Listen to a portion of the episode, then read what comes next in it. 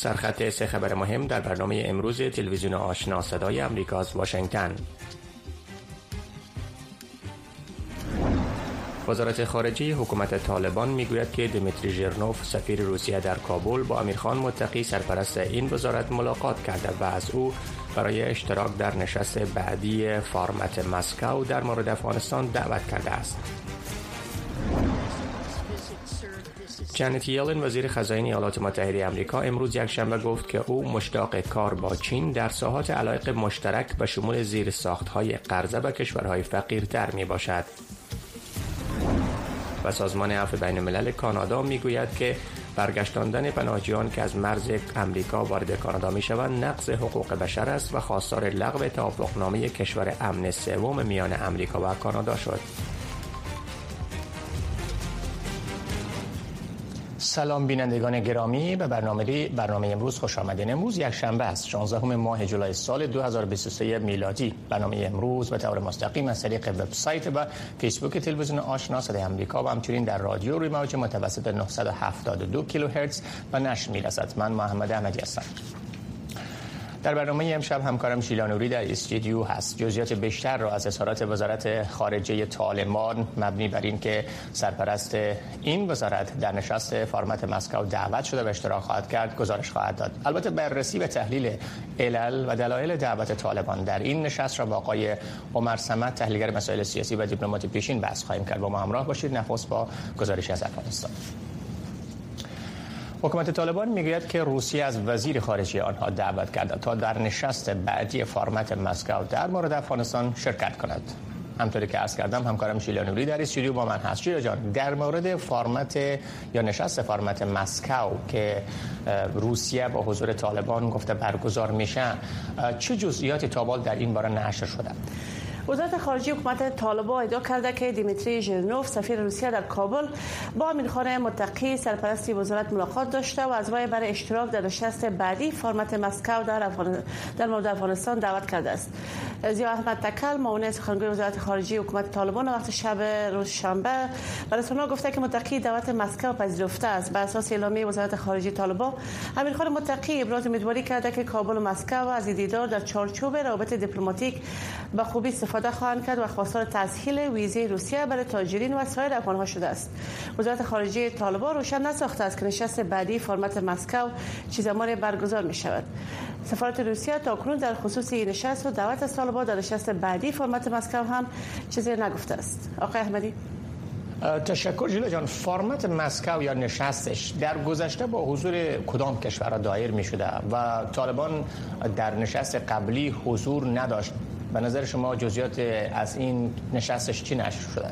سال گذشته روسیه سلسله های فرمت مسکو بدون حضور نماینده طالبان در ماه نوامبر 2022 برگزار کرد که در اون نمایندگان کشورهای همسایه شرکت کردند و بر اساس اظهارات مقامات روسی به دلیل اینکه طالبان قادر به تشکیل حکومت همشمول و قومی و سیاسی در افغانستان نشدند در نشست از آنها دعوت نشده بود.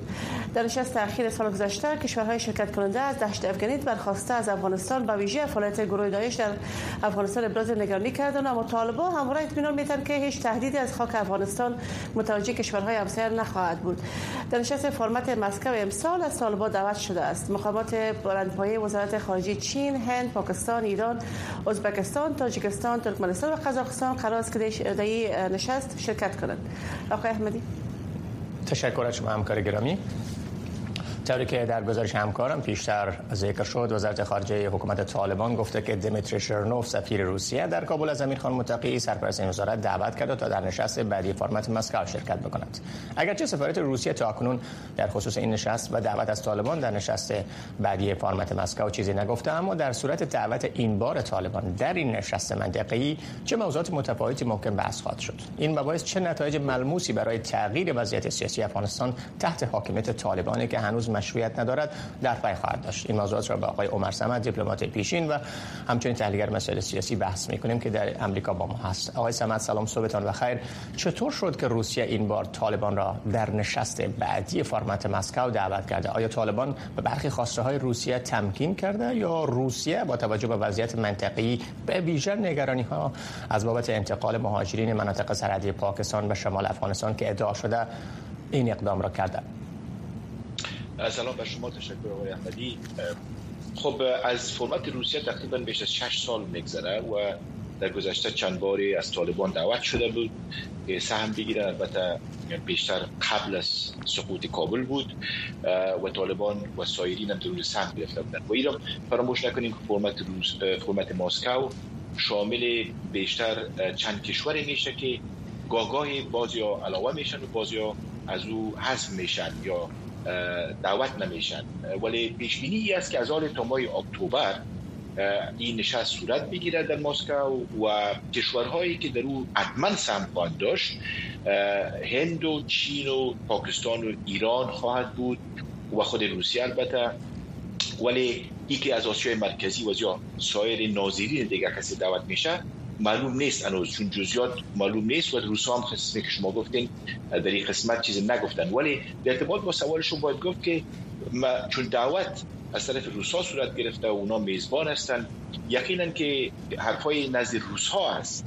یک چوکاتی را که روسا با او بسیار علاقمند هستند موضوع چوکات رابط شرق و غرب است و جنگ اوکراین است که در او بسیاری موضوعات البته تحلیل می‌کنند. چوکات دو موضوعات امنیتی است. امنیت آسیای مرکزی مبارزه با تروریسم مبارزه با مواد مخدر. اینا چیزهایی است که برای روسا آیز اهمیت خاص بوده و هنوزم است یقینا که چیزی که در افغانستان میگذره با بسیار علاقمندی از نزدیک تحقیق می‌کنن و من فکر می‌کنم باز تصامیم اخیری که گرفته شده برای روسا هم یک فرصت را مهیا خواهد ساخت و از طالبان جویای معلومات بیشتر شود و شمول موضوع انتقال بله. باز افراد و اشخاص و فامیل ها به شمال افغانستان موضوع مبارزه با داعش موضوع مبارزه با سایر گروه های تروریستی که در افغانستان گفته میشه حضور داره ولی تحت کنترل طالبان هنوز قرار دارد. بله به نظر شما چرا این موضوعاتی که شما گفتین این بار مهم است برای روسیه؟ البته بار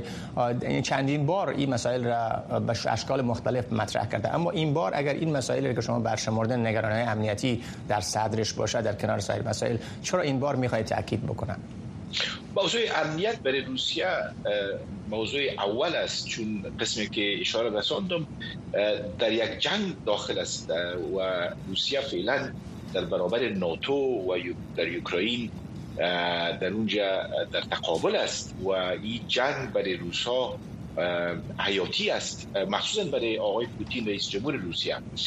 لحاظا چیزی که در عواشی و در سرحدات روسیه میگذره. برش همچنان آیز اهمیت است. روسا نمی‌خواهند که از کدام قسمت دیگه چون سرحدات بسیار وسیع دارند و آسیای مرکزی و کشورهای آسیای مرکزی برشان یک نوع آهل است برای امنیت خودشان. لحاظا روسا متوجه ازی هستند که از کدام قسمت دیگه از سرحداتشان کدام تهدید رونما نشه و طالبان در گذشته برشان تعهدات سپردن که نمی‌گذارن که همچنانی که برای دیگر کشورها سپردن. نمی‌گذارن که کدام گروه کدام تهدید از جانب افغانستان باشه. ولی این بله. امکان داره که کافی نباشه و روزها تعهد بیشتر و قویتر بخواهیم بله. خب آقای سمت طالبان از این نشست چگونه به نفع خودشان در جهت جلب توجه جهانی و کسب مشروعیت می‌خواهند که استفاده بکنن بله این بخش دیگه موضوع است که برای طالبان یک فرصت است. طالبانی که قسمی که فرمودین دنبال کسب رسمیت و شناسایی رسمی نداشتن و نکردن و نتانستن که از طرف جامعه بین‌المللی از طرف هیچ کشوری به رسمیت شناخته شوند. بر از اونها باز هم امی که یک پلتفرم یک فرصت میسر میشه که صحن بین‌المللی در یک فورم بین‌المللی شرکت بکنن.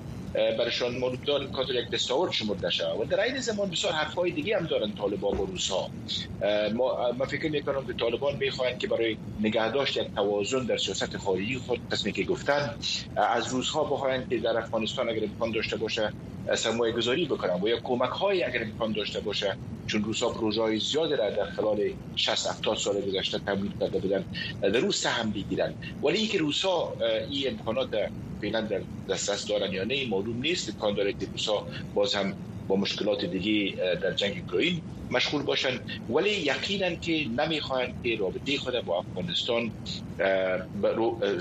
سرد بسازن و یا ای که تشنج بین افغانستان و روسیه در این حالت فعلی رونما شوه و مخصوصا که متوجه از هم هستن که در خود منطقه هم باز رقابت های وجود داره که روسا نمی‌تونه که بله. نادیده بگیرن. بسیار تشکر. از شما آقای عمر سمد دیپلمات پیشین افغانستان و همچنین تحلیلگر مسائل سیاسی و روابط بین المللی در واشنگتن و ویرجینیا که دیدگاه خود در مورد بحث امروز بیان داشته. موفق و کامیاب باشید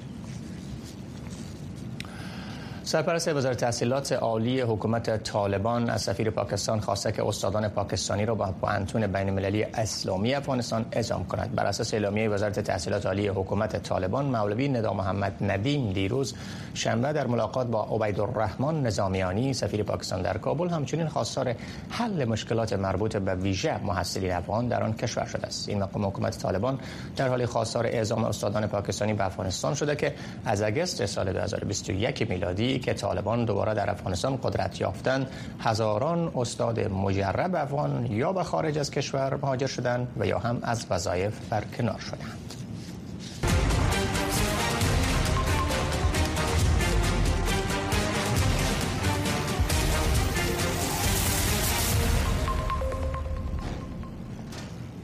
جانت یلن وزیر خزانه ایالات متحده آمریکا امروز یکشنبه گفت که او مشتاق کار با چین در ساحات علاقه مشترک به شمول زیربناهای قرضه به کشورهای فقیرتر است. او افزود که بانک‌های انکشافی قبل از اینکه در مورد افزایش سرمایهشان مورد غور قرار بگیرد مستلزم اصلاحات هستند. خانم یلن در کنفرانس خبری قبل از نشست وزرای مالیه و رؤسای بانک‌های مرکزی کشورهای گروه 20 در هند گفت که دیدار هفته گذشتهش از چین کمک کرد تا روابط ایالات متحده در مسیر مباحثه روی موضوعات دشوار قرار گیرد و اینکه دو اقتصاد بزرگ جهان برای همکاری در ساحات با علاقه مشترک متحد است. هند که ریاست گروه 20 امسال را به عهده دارد در صدد اتخاذ یک موقف خنثی در جنگ روسیه با اوکراین است. و طرفین را برای حل دیپلماتیک این جنگ ترغیب کرده است.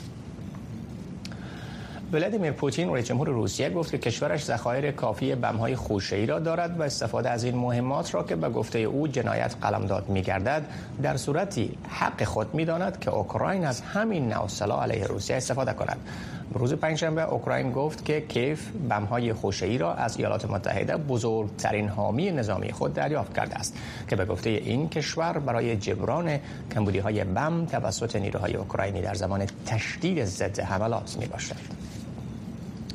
مقام های هنگ کنگ هفته گذشته جایزه ای را به ارزش بیش از 126 هزار دلار برای اطلاعاتی به دستگیری هشت فعال دموکراسی تبعیدی کمک کمک کمک بکند تعیین کردند هنری ریجول خبرنگار صدای امریکا با یک تن از این فعالین در لندن صحبت کرده و گزارشی را ترتیب کرده است که همکارم نجیب خلیل شرح آن را به توجه میرساند فن لو فعال دموکراسی 29 ساله در هنگ کنگ تحت تعقیب قرار دارد. مقام های چینایی برای دستگیری و حدود 128 هزار دلار جایزه تعیین کردند. لو به سازماندهی اعتراضات دموکراسی سال 2019 در هنگ کنگ کمک کرد. من استراتژی های مختلف را پیشنهاد کردم میتینگ های مختلف را میزبانی کردم و حتی در خارج از کشور تبلیغ کردم. به همین دلیل مقام های هنگ کنگ مرا به همکاری با نیروهای خارجی متهم می کنند لو در سال 2020 دستگیر شد اما مقام های هنگ کنگ نتوانستند او را به عنوان سرگروه اعتراضات شناسایی کنند و او آزاد شد. لو پس از آن به بریتانیا فرار کرد. چین قبلا چندین حکم بازداشت او را صادر کرده است. اما این اولین بار است که پیکینگ به صراحت برای دستگیری او جایزه تعیین کرده است. رهبر حکومت هنگ کنگ گفت تا آخر دنیا ما را تعقیب خواهد کرد. صادقانه بگویم من در بریتانیا احساس امنیتی کمتری می کنم در چند سال گذشته با انواع مختلف آزار و اذیت مواجه شدم. فرقی نمی کند آزار و اذیت آنلاین باشد یا آزار فیزیکی. در سال 2020 در نزدیکی خانم مورد حمله قرار گرفتم. لو معتقد است که بریتانیا تمایل به اتخاذ موضع سختتر ندارد زیرا نمی‌خواهد روابط تجاری با چین را به خطر بیندازد. حکومت بریتانیا مستقیما به درخواست های صدای امریکا برای اظهار نظر پاسخ نداد. لو می‌گوید پاداش دستگیری او را از مبارزاتش منصرف نمی کند فکر می کنم باید از طرف هانکانگی های مختلف که نمی‌توانند در هانگ این کار را انجام دهند به مبارزه ادامه دهم من دوستانی دارم که در زندان هنگ کنگ هستند و همین دلیل است که من باید به مبارزه ادامه دهم. در همین حال پلیس هنگ کنگ در این هفته والدین و برادر نتن لا را برای تحقیقات برد. لا یکی دیگر از فعالان دموکراسی ها و قانونگذار سابق ساکن لندن است که برای او حکم بازداشت و جایزه نیز صادر شده است. آنها بعدا بدون اتهام آزاد شدند. نهمین جسد از داخل یک تونل در مرکز کره جنوبی که از اثر بارانهای سهمگین زیر آب شده بود امروز یکشنبه یافت شد. عملیات جستجو ادامه دارد و تیم‌های نجات برای شناسایی افرادی که تصور می‌شوند داخل 15 موتر گیر ماندن شتافتند. خبرگزاری اونها به کره جنوبی صبح زود به وقت محل گزارش داد که نهمین جسد را از داخل تونل زیر آب شده یافته است. کم از کم 33 نفر در نتیجه بارانهای طوفانی چند روز گذشته جان باختند و این بارانها باعث جاری شدن سیل و لغزش زمین شده است. سازمان عفو بین الملل کانادا می‌گوید که برگشتاندن پناهجویان که از مرز امریکا وارد کانادا می‌شوند نقض حقوق بشر است. این سازمان حامی حقوق بشر خواستار لغو توافقنامه اخیر میان امریکا و کانادا است که بر بنیاد آن پناهجویان ملزمند بعد از ورود به اولین کشور امن درخواست پناهندگی دهند. بر بنیاد توافقنامه کشور امن سوم میان ایالات متحده آمریکا و کانادا هرگاه پناهجویان از مرز آمریکا وارد کانادا شوند و در صورتی که هیچ وابسته خونی در این کشور نداشته باشند از سوی پلیس کانادا بازداشت و دوباره به آمریکا به گونی اجباری برگردانده می شوند. سازمان عفو بین الملل کانادا با دو نهاد دیگر عامی حقوق پناهجویان در برابر این توافقنامه به دادگاه عالی این کشور شکایت کردند. اما دادگاه بر این توافقنامه مهر تایید گذاشت. حالا سازمان عفو بین الملل دوباره خواستار بررسی ماده های این توافقنامه از سوی دادگاه عالی فدرال شده است. با باور گروه های عامی حقوق پناهجویان در کانادا اخراج اجباری از کشوری که توسط مهاجران ساخته شده است نامید کننده و خلاف ارزش های حقوق بشری است. It does violate human rights, including uh, the right to life, liberty and security of the person. The right این نقض حقوق بشر است که شامل سلب آزادی فردی و حقوق مساوی افراد می شود. ما همچنان این نگرانی را داریم که اگر آنها یعنی پناهجویان به گونه مستقیم و یا غیر مستقیم به امریکا و از آنجا به کشورهایشان برگردانده شوند خطر آزار اذیت و شکنجه آنان را تهدید می کند. گروه عامی حقوق پناهجویان در کانادا بار دیگر از دولت و دادگاه این کشور خواستند از توافقنامه کشور امن سوم میان آمریکا و کانادا بیرون شود. زیرا نپذیرفتن پناهجویان به معنای شانه خالی کردن از مسئولیت های جهانی این کشور است.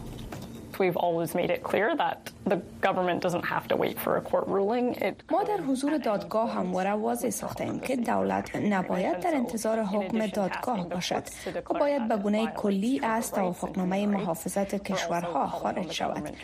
در کنار آن از دادگاه همچنان خواستیم تا اعلام کند که این توافق خلاف حقوق بشر است. ما از دولت نیز به گونه مستقیم خواستیم که از این نوع توافقنامه خارج شود. نقیب الله سروری 6 سال پیش از جاده رکسام از آمریکا وارد کانادا شد. حالا او به عنوان مدافع حقوق پناهجویان در سازمان عفو بین الملل کانادا کار می کند. با باور او عملی شدن این توافقنامه برای هزاران پناهجویی که از ترس جنگ، تبعیض و انتقام جویی ها به کانادا پناه می آورند ناامید کننده است. بستن سرحد برای مهاجرین در حقیقت نقض حقوق بشر است و فرار از مسئولیت هایی که دولت کانادا در مقابل مهاجرین در مقابل پناهندگان و در مقابل قوانین بین المللی داره متاسفانه فرار از این مسئولیت ها است. توافقنامه امن کشور سوم میان ایالات متحده آمریکا و کانادا در سال 2022 امضا و دو سال بعد از آن اجرایی شد. ماها پیش هنگامی که جو بایدن به کانادا سفر کرد دو کشور توافق کردند که برای پناهجویان اجازه ندهند از مرز این دو کشور بگذرند زیرا هر دو کشور امن پنداشته شده است. از همین روز که حالا هزاران افغان که در انتظار ورود به کانادا هستند دچار دردسر شدند. زیرا اگر پیش از چهارده روز در کانادا پلیس آنان را دریافت کند به گونی اجباری از کانادا به آمریکا اخراج خواهند شد. احمد فرشاد صالح تلویزیون آشنا صدای آمریکا کانادا امریکا یکی از کشورهایی که میزبان فرهنگ ها، میلیت ها، سنت ها و ارزش های متنوع و بسیار مختلف از سراسر جهان است. زندگی در امریکا و مهاجرت به اینجا مانند سایر کشورها سختی ها و لذت های خود را دارد. برخی افراد با تلاش و با استفاده از فرصت ها می توانند به رویاهای خود برسند و برخی ها با مشکلات روبرو می شوند. زندگی در امریکا هر جمعه از ساعت 6 الا 6 نیم بعد از ظهر به وقت افغانستان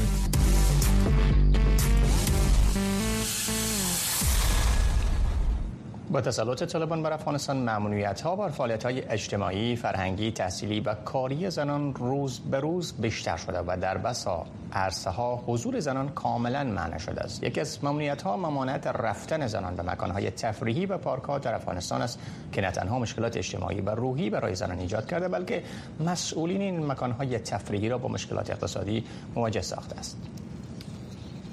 بند قرغه و باغ بابور از جمله تفریگاه های پرجم و جوش و محل تجمع خانواده ها به ویژه در ایام رخصتی بوده است. پس از حاکمیت طالبان و وضع ممنوعیت بر حضور خانواده ها در تفریگاه ها اکنون این ساحات کمتر شاهد بازدید کنندگان می باشد. برخی از مردم و مسئولین مکانهای تفریحی از حکومت طالبان می‌خواهند تا برای زنان و دختران در چهارچوب شریعت و رعایت حجاب اسلامی اجازه رفتن به مکانهای تفریحی را بدهد. ولی که در مکتب نمان عالم نمیمانند که ما تفریح کنیم و جای بریم و بدن یکون به ما هیچ حق داده نمیشه. هیچ نمی‌فهمیم چرا به خاطر چی؟ حق از ما می‌گیرن. خواستم ما است که مکتب رو شروع کنن. باید هر کس که تفریح کنه و بسیار دل ما در خانه تنگ میه این قسمت نمونه به ما توجه نمی کنن بسیار دیگه ما جگرخون هستیم.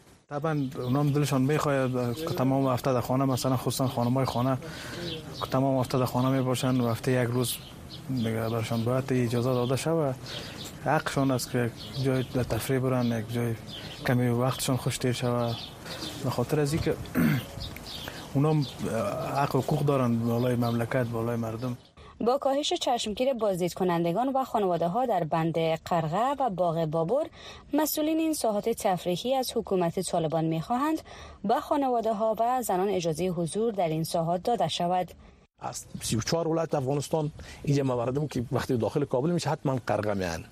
از امارت اسلامی همه قدر خواهش می‌کنم که فقط رئیسی امنیتش بساف فوق جدی همکار است که ما صرف به خاطر اینمی فامیلا چیزی مشکلات تا داشتیم رو کشون حل شد باغ بابر که در جریان جنگ های داخلی به یک ویرانه مبدل شده بود در 20 سال گذشته با کمک نهاد آقاخان نه تنها در سرسبزی دوباره آن تلاش صورت گرفت بلکه در احیای مجدد دیوارها های داخل باغ و اعمار حوض آببازی جدید کار شد.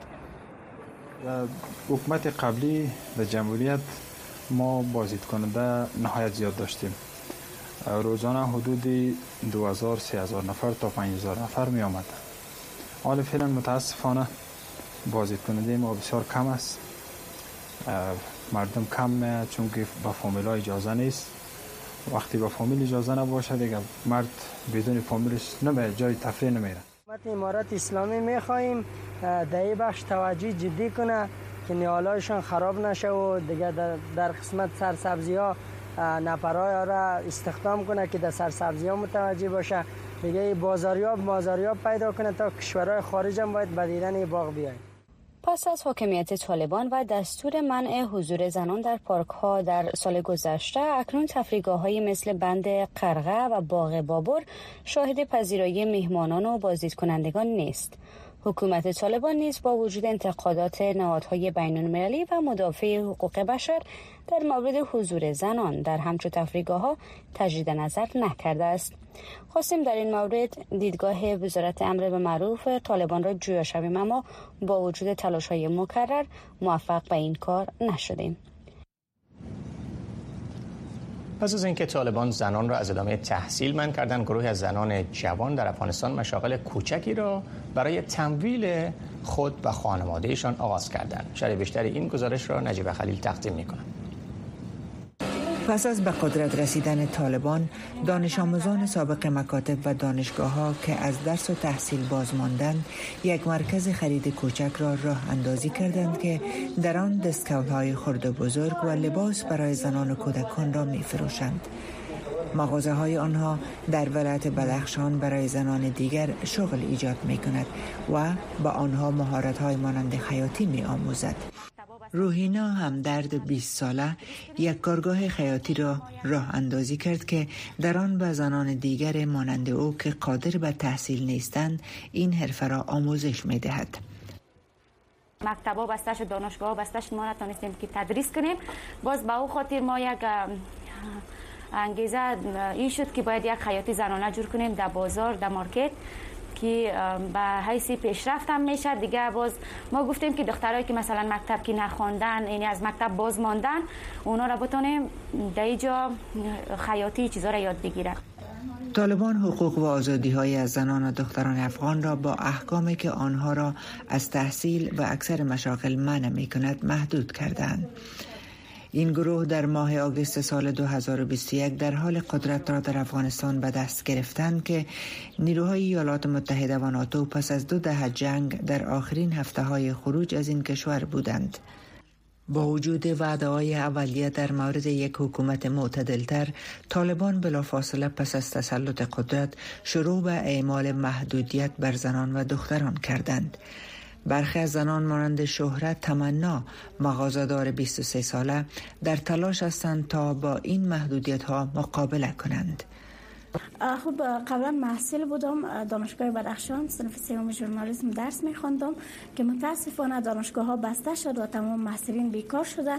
به همین دلیل خواستم که در این شرایط ناهموار که به هیچ کس زمینه شغل کار مساعد نیست مخصوصا به طبقه بانوان خواستم یک فروشگاه ایجاد بکنیم که زمینه کار به بانوان فراهم بسازه و همچنان یک روحیه باشه به خاطر دوباره بلند شدن بانوان و به خاطری که بیاین در اجتماع و قدم بردارن و کار بکنن از جمله زنان شاغل در این مرکز خرید سکینه همدرد 25 سال است که قبل از ممنوعیت کار زنان توسط طالبان کار می کرد.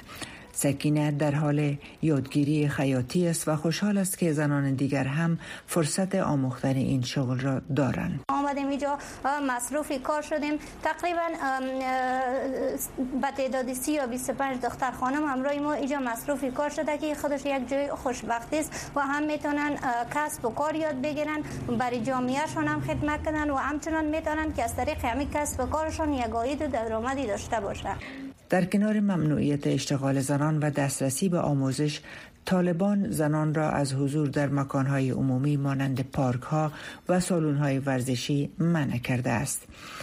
این اقدامات به حکومت قبلی طالبان در افغانستان در اواخر دهه 1990 برمیگردد زمانی که آنها تفسیر دقیق خود را از قوانین اسلامی نیز تحمیل کردند. بینندگان گرامی این بود داشته های برنامه امشب تلویزیون آشنا صدای امریکا تا لحظاتی بعد شما شنونده و بیننده نشرات رادیو آشنا خواهید بود که به گونه زنده ادامه می‌یابد و برنامه امروز از طریق وبسایت و فیسبوک تلویزیون آشنا صدای امریکا و همچنین در رادیو روی موج متوسط 970 کیلوهرتز به نشر می‌رسد. سپاس از همراهی شما با برنامه امروز.